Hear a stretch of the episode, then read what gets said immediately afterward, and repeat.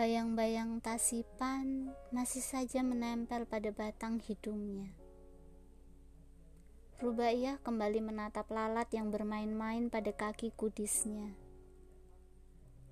Nafasnya terdengar lirih.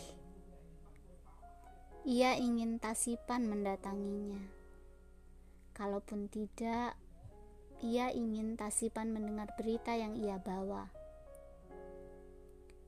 Mungkin Rubaiyah akan memberi ciumannya sekali lagi. Ah, tidak sebatas itu. Mungkin juga dengan pelukan manja.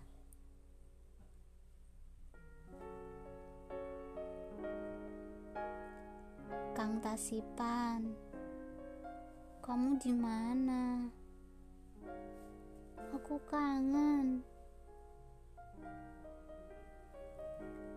Kata Rubaiyah sambil menyembunyikan wajahnya ke dalam lutut.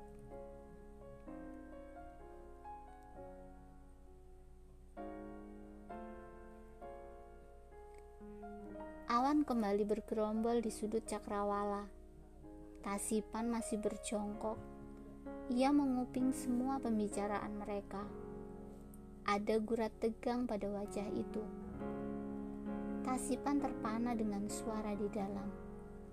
Kata Adon, siapa pun yang menjadi gandrung kemiren, semua orang pasti berebut memanjakannya. Kata Tasipan dalam hati. Jika memang begitu, berarti Rubaiyah tidak lagi menari untukku. Ah, tidak. Rubaiyah pasti mencariku. Tapi bagaimana bisa? Bukankah semua waktunya hanya untuk gandrung? Rubaiyah, harusnya bukan kamu yang terpilih.